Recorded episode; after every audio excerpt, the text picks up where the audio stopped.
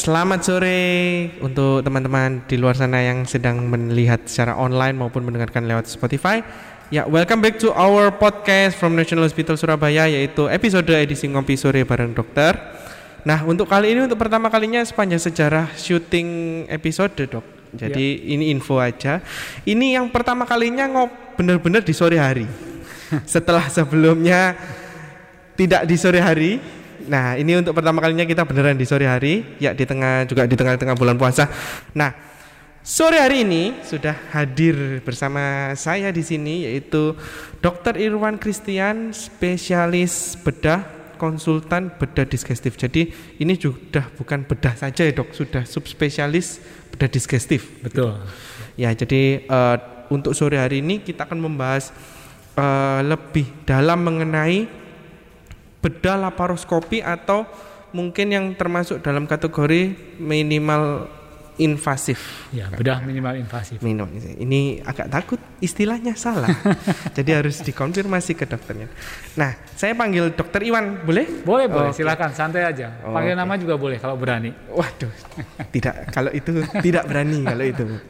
Ya, jadi dokter Iwan sebelumnya uh, se untuk mungkin juga untuk teman-teman yang belum Baik. tahu ya. Uh, sebenarnya dok uh, bedah laparoskopi itu apa sih dok? Baik, jadi laparoskop itu terdiri dari dua kata, laparo dan skop.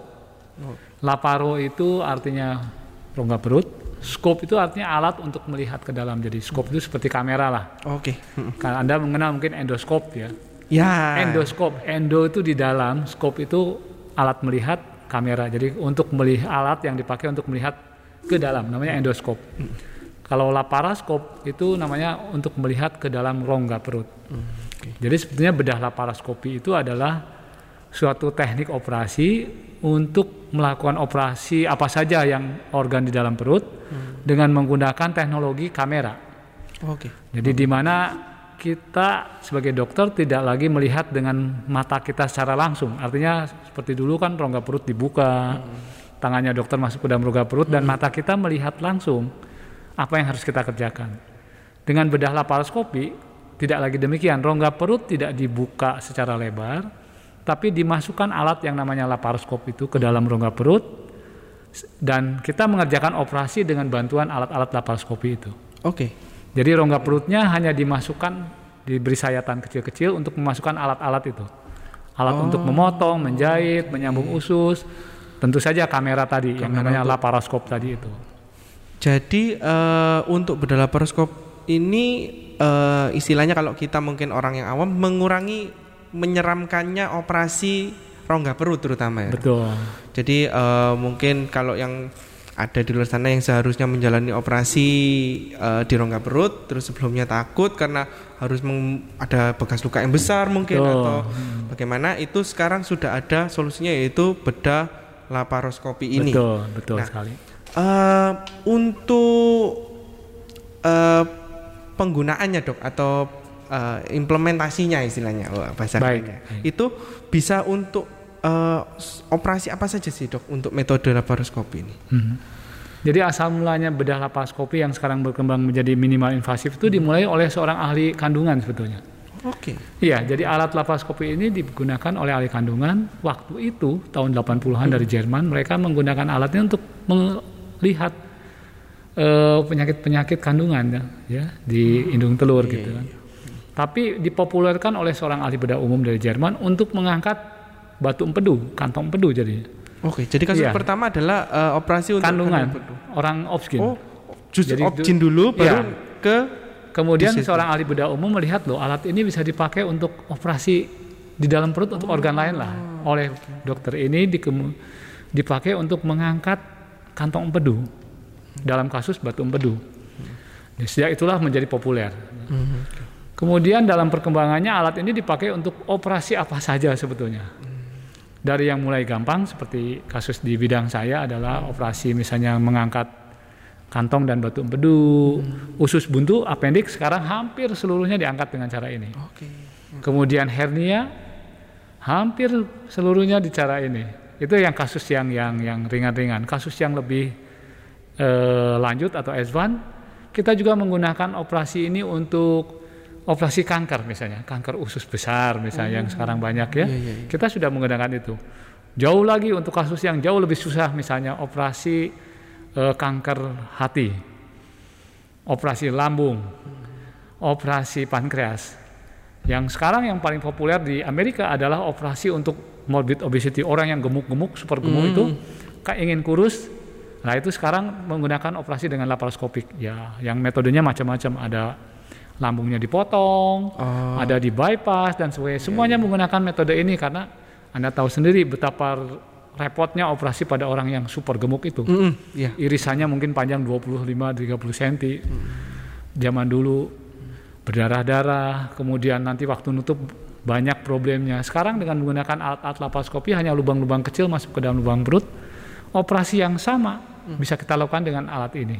Oke. Jadi Iya. eh, yang eh, saya highlight sebenarnya adalah tidak hanya operasi yang sederhana, tetapi bahkan yang sudah tingkatnya advance pun bisa ditangani dengan laparoskopi ini. Betul, betul. Sekarang eh, hampir kita katakan border itu semakin berkurang dengan teknologi yang datang misalnya dengan teknologi kamera yang begitu canggih. Karena dengan laparoskopi yang baru ini teknologinya high D, high definition. Kemudian 3D, tiga dimensi. Itu yang yang membuat dokter bedah itu diberi mainan seolah-olah kalau dengan high definition dan di- dimension perasaan kita tuh operasi seperti kita ada di dalam rongga perut. Jadi sense-nya lebih Sense-nya lebih terasa lebih gitu. kerasa. Jadi banyak pasien kadang-kadang menanyakan pada saya, "Dok, apakah lebih lebih tidak teliti?" Saya bilang lebih sulit keliru. gitu. Misalkan kan soalnya kan eh, awalnya kan pegang langsung. Betul, Terus pakai tangan kan langsung. Ada alatnya gini. Apakah nggak lebih mungkin lebih istilahnya kan kagok atau gimana? Betul. Ya itu hanya masalah adaptasi lah. Kita semua dokter bedah yang sudah terbiasa main dengan alat ini akan merasa lebih nyaman justru seperti saya sendiri. Feeling saya justru lebih nyaman ketika saya operasi menggunakan alat ini karena waktunya jauh lebih singkat, kemudian lebih bersih, tidak terlalu berdarah-darah dan apalagi kalau sudah pakai tiga dimensi tadi 3D itu, feelingnya adalah kita ada di dalam rongga perut. Jadi seolah-olah kalau kita gunting itu seolah-olah kayak kita motong daunnya pohon gitu. Seolah-olah kita tuh sedang di dalam, betul kan? Oke, jadi lebih nyaman ketika pelaksananya bahkan lebih nyaman malah. Lebih nyaman. Itu hanya masalah adaptasi saja lah. Jadi masalah adaptasi kita sebagai dokter bedah bagaimana adaptasi dengan teknologi baru ini. Kadang-kadang waktu sekolah, waktu training misalnya kita banyak operasi terbuka, feelingnya adalah feeling reality kan. Reality Ya. artinya memegang adalah memegang. Betul. Melihat adalah melihat dengan mata saya. Tapi dengan operasi bedah minimal itu melihat adalah melihat gambar. Memegang adalah memegang alat, Alatnya. bukan memegang organnya. Heeh. Sehingga harus ada fase adaptasi bagaimana kita melakukan tugas yang sama tapi dengan bantuan alat sehingga seolah-olah melihat reality, seolah-olah memegang reality padahal sebetulnya bukan. Yang kita lihat adalah gambar, yang kita pegang adalah alat operasi. Oke, ini Itu hanya masalah adaptasi lah. Oke. Tapi teknologi ini sejauh ini sudah membuktikan pada kita semakin advance dan banyak hal yang dulu susah dikerjakan menjadi lebih mudah dengan alat ini. justru lebih mudah ya. Ya, Anda bisa bayangkan dulu dengan mata kita tidak terlihat dengan teknologi kamera ini sekarang menjadi terlihat. Hmm, Jadi di dunia kedokteran pun banyak anatomi yang baru yang kita tahu setelah eh, kita menggunakan alat ini. Karena dengan mata kita tidak terlihat terlalu kecil. Dengan bantuan kamera yang di zoom, dibikin high D, dibikin 3D, semua jadi kelihatan. Oke, oke. Jadi banyak sekali eh, Manfaatnya. manfaatnya buat kita. Ini Anu. dokternya udah dokter Iwan ini jagoan ini sudah laparoskopi ini sudah. Terima kasih. sudah jam terbang tinggi. Nah, tadi kan eh, sedikit menyinggung ya dok tentang eh, advantage atau keuntungan dari metode laparoskopi ini. Nah, sebenarnya untuk pasien sih dok, kan tadi untuk dokter mungkin untuk pihak eh, bagian dokternya adalah lebih nyaman, lalu lebih cepat dan lain-lain. Kalau untuk pasien dok, sebenarnya apa keuntungan dari menjalani laparoskopi ini? Baik, iya. Sebetulnya semua teknologi, semua metode pengobatan tuh muaranya adalah pada pasien, bukan pada dokter. Kalau nanti ada ikutannya dokternya juga lebih nyaman, itu itu advantage yang berikutnya lah. Oke. Semua teknologi, semua metode itu dikembangkan untuk keuntungan pasien. Jadi pasien harus lebih dapat keuntungan dengan teknologi ini. Apa saja yang dapat dengan ini? Pertama adalah dari segi luka operasi. Dengan namanya saja sudah bedah minimal invasif. Jadi kalau kita dulu buka perut lebar-lebar, lukanya 15-20 cm, sekarang tidak lagi. Lukanya sesuai dengan ukuran alat kita. Misalnya kamera ukurannya 1,2 cm, yaitu lukanya dia. Alat operasi kita uh, ukurannya 5 mili, ya itu ukuran luka-lukanya 5 mili. Jadi lukanya jauh lebih kecil. Kalau luka lebih kecil akibatnya apa? Rasa nyeri pasca operasi jauh lebih minimal. Oh, iya. Kemudian kalau dia nyerinya cepat sembuh, dia akan lebih cepat kembali ke hidup yang uh, activity yang biasa Normalnya. ya kerja, sport. Kemudian juga dari segi orang mungkin kalau perempuan lebih perhatian kosmetik misalnya, Ya, secara ya estetikanya. dia akan dapat ya biasa wah luka buka perut serem kan. ya. Sekarang hanya luka kecil-kecil saja yang akan pudar dalam waktu singkat. Oh, Oke. Ya, semua. Kemudian organnya, organ di dalam perutnya sendiri dengan metode operasi laparoskopi ini akan cepat pulih. Sehingga orang yang operasi seperti ini akan cepat. Pagi operasi, siang sudah minum, mungkin malam sudah makan, tergantung jenis operasinya. Oh, oke. Jadi Biasanya- akan cepat pulih. Di mana Hmm. kalau dulu kan enggak puasa Ya, biasanya kalau berhari-hari kalau begitu. kita mau operasi eh, setelah operasi ya, kalau eh, setelah operasi terutama di bagian pencernaan atau di bagian perut ini Hmm. eh, recovery-nya ini kan butuh waktu dok biasa Betul. dulu. Katanya kan eh, makan susah terus eh, harus nunggu buang gas dulu Betul, dan betul, lain-lain. ya. itu dan itu butuh waktu. Sekarang karena laparoskopi ini justru lebih cepat juga eh, recovery-nya juga lebih cepat malah. Pasti. Fungsi usus lebih cepat pulih. Dibanding dengan kita operasi terbuka karena pada operasi terbuka itu tangannya dokter masuk ke dalam perut dan memegang, memegang Ada usus. gangguan men- dari luar berarti. Iya, menyingkirkan usus apa itu akan mengakibatkan fungsi saluran pencernaan usus lambung, usus besar akan pulihnya lebih lambat. Dengan laparoskopi tangannya dokter tidak masuk ke dalam perut. Kita memakai alat-alat kecil dan kita memakai kerja ya di tempat yang ingin kita kerjakan. Sehingga organ-organ di sekitarnya tidak terlalu terganggu. Berarti sudah sangat spesifik ya dok untuk laparoskopi ini kalau kita memang mau mengoperasi satu bagian misalkan usus buntu lah kita. Ya. bilangnya.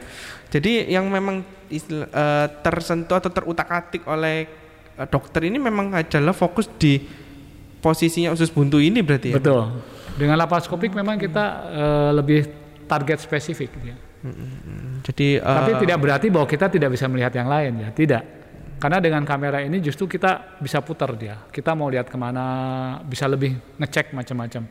Itu yang sering ditanyakan oleh pasien. Apakah nantilah anda kelihatan dokter? ya, bayangannya kan cuma lain? masuknya cuma satu gitu aja ya dok. Iya. Cuma lihatnya oh cuma sini aja. Padahal sininya ada masalah. Ternyata enggak. Jadi justru Kamera justru enak. Kita bisa putar dia 360 derajat, tergantung mau lihat ke mana. Oh. Kalau operasi terbuka, kita iris di bagian Lihatnya bawah perut, ya yang kelihatan ya yang di bawah perut, bagian atas tidak bisa lihat kita. Oke. Kalau dengan kamera ya tinggal majuin, mundur, mau lihat kanan, kiri, tergantung kita mau lihat yang mana. Tapi waktu kerja kita spesifik. Misalnya mau kerja di daerah usus buntu ya kita kerjanya di sana. Hmm, jadi ini juga menjawab beberapa kekhawatiran dari teman-teman di luar sana bahwa kok laparoskopi kan nanti eh, Miss. miss. Nanti dokternya cuma lihat ini aja nanti masalah sekitar sekitarnya nggak kelihatan. Enggak ternyata. Enggak. bahkan bahkan lebih dokter bisa punya keleluasan untuk melihat bagian-bagian lainnya tanpa mengorbankan eh, efektivitas. Lalu juga mungkin adalah eh, efek sampingnya setelah operasi eh, rongga perut atau pencernaan ini ya dok Jadi kita bisa melihat bagian lain tanpa harus membuka lebih lebar. Kalau operasi terbuka, kita harus membuka lebih lebar supaya bisa mencapai daerah yang ingin kita lihat. Kalau ini tidak perlu karena kameranya kan kecil, tinggal didorong aja mau bisa ke mana. bisa masuk ke mana-mana Bisa masuk ke mana-mana, bisa diputar ke kiri, ke kanan, ke bawah, atas, ter- tergantung kita maunya lihat apa. Jadi untuk un- dari bedah laparoskopi ini luar biasa sekali ya untuk eh, baik pasien maupun eh, dokter dalam melakukan operasi eh, operasi-operasi yang sebelumnya mungkin menyakitkan Ya. lalu kurang nyaman untuk recovery-nya butuh waktu lama ini sudah sangat-sangat dibantu oleh dengan metode laparoskopi ini jadi lebih cepat lebih nyaman juga mungkin terutama untuk perempuan-perempuan atau mungkin juga cowok-cowok mungkin dok juga ada yang Ya. eh takut ah ada bekas luka yang besar Kosmetiknya sekali. lebih Ya, dapat. Secara estetika kosmetiknya juga dapat kalau boleh tahu dok kasus tersulit dok dalam laparoskopi yang pernah dokter tangani apa dok Kasus tersulit. ya. iya Kasus tersulit memang eh, saya banyak nangani yang ringan-ringan adalah usus buntu, batu empedu, kemudian hernia. Tapi yang banyak juga sekarang akhir ini kita tangani adalah kasus kanker. khususnya adalah kanker usus besar, kolon dan rektum. Buat kami, buat saya pribadi, kanker rektum yang bagian bawah itu yang yang paling susah buat kita karena lokasinya sangat bawah sekali di dalam rongga panggul atau pelvis, mainnya sangat sempit kerjanya. Jadi butuh skill dan keterampilan yang bagus sekali, juga butuh kerjasama tim yang baik. Ya. Oh, oke. Tapi kalau untuk bidang yang lain, misalnya sekarang banyak teman-teman saya yang lain juga mengerjakan untuk kanker pankreas. Itu operasi yang sangat sulit ya. Dengan cara open pun sudah sulit, dengan laparoskopik dia butuh skill yang jauh lebih hebat lagi. Tapi namun demikian di negara-negara maju banyak dokter yang mampu untuk melakukan itu dengan sangat baik dan sangat efisien. Ya karena teknologi membantu kita. Teknologinya membantu Iya. sekali ya. Teknologi apa yang membantu kita? Selain teknologi kamera adalah teknologi memotong. Kalau dulu kita memotong kan berdarah-darah, harus jahit, harus apa. Sekarang ada alat yang tinggal masuk dia bisa motong dan bisa menghentikan perdarahan dalam waktu yang sama.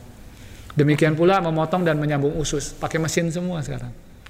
Jadi kenapa kok bisa semakin cepat dan bisa dikerjakan lubang kecil? Karena teknologi datang membantu kita. Motong usus sekarang ada alatnya, masukkan saja cepret 1-2 menit selesai. Nyambung juga sama, masukkan alatnya nyambung usus. Itu teknologi. Kalau kita jahit misalnya pakai tangan mungkin 15-20 menit dengan alat ini mungkin 5 menit selesai motong nyambung. Itu teknologi memang datang pada kita ya. luar Terima biasa kasih ya. pada engineer-engineer yang sudah bekerja sama dengan dokter menemukan alat-alat baru ini sehingga operasi menjadi efisien. Menjadi tidak terlalu menyakitkan sehingga pasien lebih cepat pulih.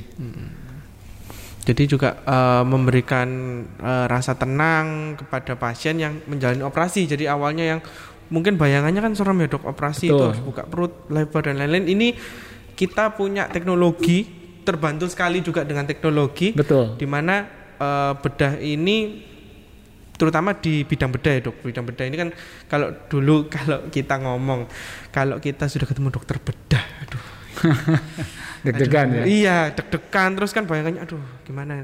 Ternyata terutama untuk bedang bedah dis, eh, bedah digestif atau bedah pencernaan rongga perut ini ada teknologi yang sangat-sangat membantu tidak sakit eh, sakitnya minimal kalau kita ngomong tidak sakit nggak mungkin ya karena operasi Eh, sakit minimal eh, bekas juga minimal tetapi manfaatnya sama dengan kita melakukan eh, operasi normalnya Operasi terbuka ya. Mm-mm. Itu apalagi sekarang ada operasi yang namanya endoluminal surgery. Endoluminal surgery lebih lagi dia. Dia operasi memakai alat endoskopi ke dalam saluran pencernaan. Perutnya tidak diutak-atik. Pada kasus-kasus tertentu kita lakukan. Jadi memotong, menya- eh, apa, menjahit, semua dilakukan di dalam ususnya sendiri tanpa harus membuka rongga perut. Ya itu teknologi membantu kita. Memang luar biasa lah kemajuannya. Eh, berarti ini kalau untuk misalkan nih teman-teman di luar sana ada yang eh, waktu dengar podcast ini atau nonton podcast ini, kalau mau pakai metode ini dok, Ya. berarti di National Hospital bisa ya dok? sangat sangat tersedia. Di sini sudah tersedia segala macam peralatan dan kita sudah lakukan semua prosedur itu di rumah sakit ini. Ini sudah dokternya juga sudah ke- kelihatan kan, sudah jagoan. Dokter Iwan ini jagoan laparoskopi sudah gocek-gocek masuk-masuk sebelum waktu operasi ini sudah terlatih, nah, sudah jam terbang tinggi. Nah, eh mungkin eh, kalau pertanyaannya mungkin juga sudah sangat-sangat banyak sekali kita membahas tentang laparoskopi ini dari teman-teman juga mungkin ini memberikan pandangan baru juga untuk teman-teman. Kalau misalkan dok mau ketemu dokter, mau konsultasi, mau eh, ada ngomong-ngomong soal kondisi eh, praktek di National Hospital, kalau boleh tahu jadwalnya Saya setiap di National Hospital setiap hari Senin dan hari Sabtu. Senin sampai Sabtu. Untuk Juga kadang-kadang ya ada teleconference juga. Oke. Oh, ada, telekonsul berarti ya, Ada, Dok? ada. Oh, ada oke. juga by uh, WhatsApp lah. Memang kita harus akui teknologi ini membantu kita untuk lebih dekat dengan pasien ya. Semuanya tuh muaranya kepada pelayanan pasien. lebih Ya. patient sentris jadinya semua sebetulnya semua semua eh, tujuan dari kemajuan-kemajuan teknologi itu adalah patient centris patient safety patient comfort dan juga jangan lupa harus juga efisien gitu efisien. Eh, iya. Eh, untuk sebenarnya untuk satu kali bedah laparoskopi dok, eh, umumnya, Ya. umumnya itu butuh berapa waktu sih? Berapa lama sih dok? tergantung case case by case lain sekali misalnya contoh untuk batu empedu saja bisa sangat bervariasi Batu empedu yang tanpa komplikasi, orangnya kurus, gampang sekali operasinya, menjadi cepat, 15-20 menit selesai. Eh, Kasusnya mudah, orangnya gemuk, 200 kilo. Itu menjadi sangat butuh waktu untuk kita untuk menyingkirkan lemak-lemaknya. Kasus lebih rumit lagi, kasus kanker misalnya, butuh waktu yang lebih lama.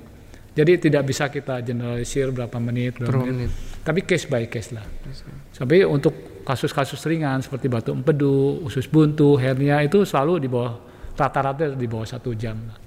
Oke, ya operasinya cepat ya di bawah satu jam ya. Biasanya kalau kita ngomong operasi ini, kalau terutama kita mungkin terpengaruh sinetron mungkin Hmm. ya, itu kalau lihat orang operasi itu kan lama sekali kayak orang keluarganya harus nunggu lama. Ini di bawah satu jam, jadi eh mungkin sangat cepat. Jadi juga mungkin eh, keluarga jadi tidak terlalu khawatir. Jadi ya mungkin itu kan di ruang operasinya nggak lama sekali seperti itu kan biasanya kan Ya, menunggu kabar. ya betul. Kita memang dengan bedah minimal invasif ini mengurangi waktu di kamar operasi dengan kalau operasi terbuka itu kan kita harus membuka.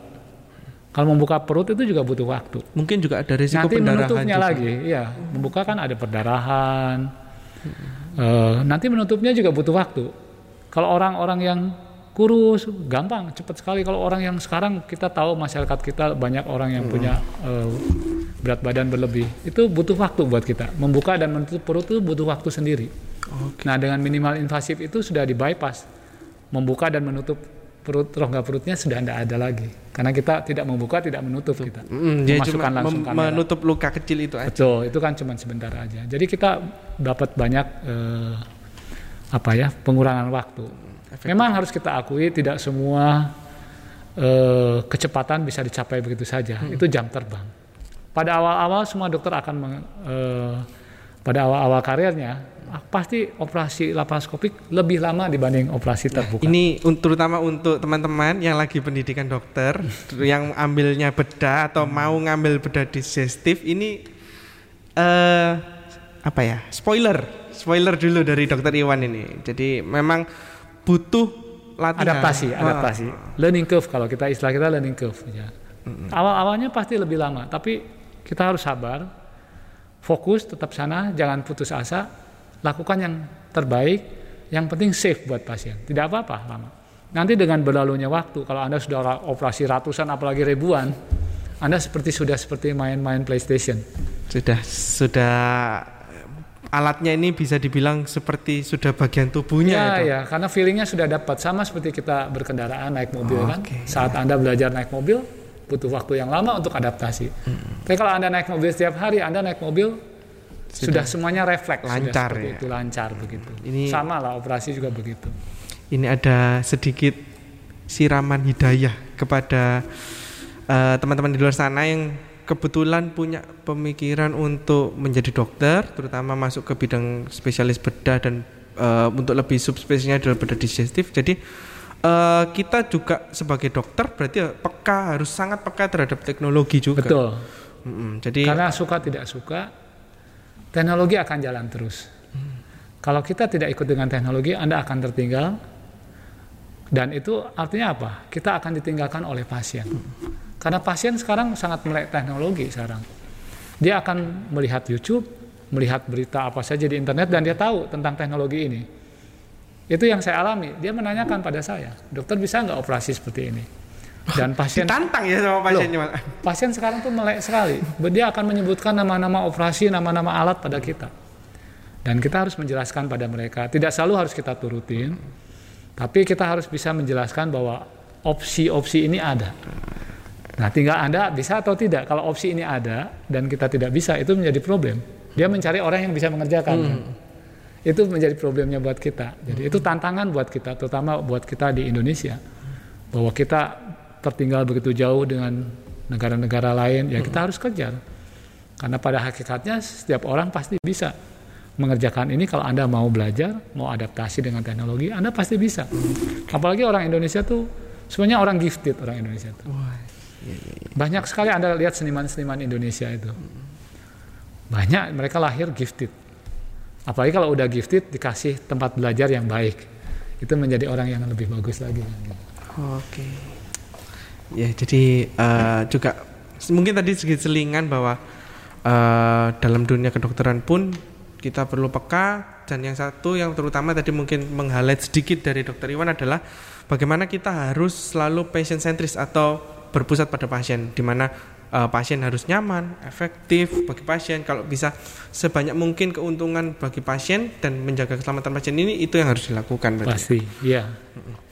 Uh, ini kalau diteruskan dok, ini mungkin kita sampai nanti malam dok.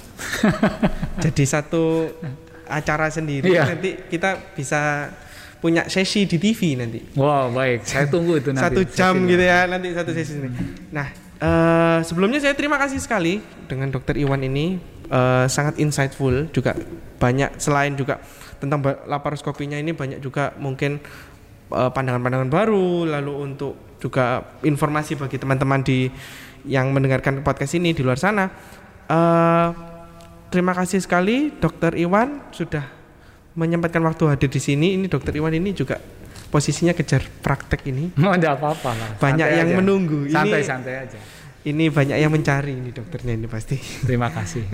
ya, jadi uh, mungkin untuk sekarang sekian dulu bincang-bincang hari, hari ini dengan Dokter Iwan tentang bedah laparoskopi dan membahas lebih dalam tentang bedah laparoskopi. Uh, jangan lupa kita juga sudah punya episode sebelumnya. Uh, stay tune, jangan lupa kita akan selalu upload untuk episode ini di uh, Anchor, Spotify dan YouTube. Jadi kalau uh, mau diakses semua episodenya kita lengkap di sana. Uh, kita akan selalu update episode terbaru di hari Rabu sore. Jadi kalau kalian menunggu bisa langsung cus ke Anchor, Spotify dan YouTube kita. Oke dok, uh, Oke. mungkin disapa. Selamat sore dan selamat dadah. sore.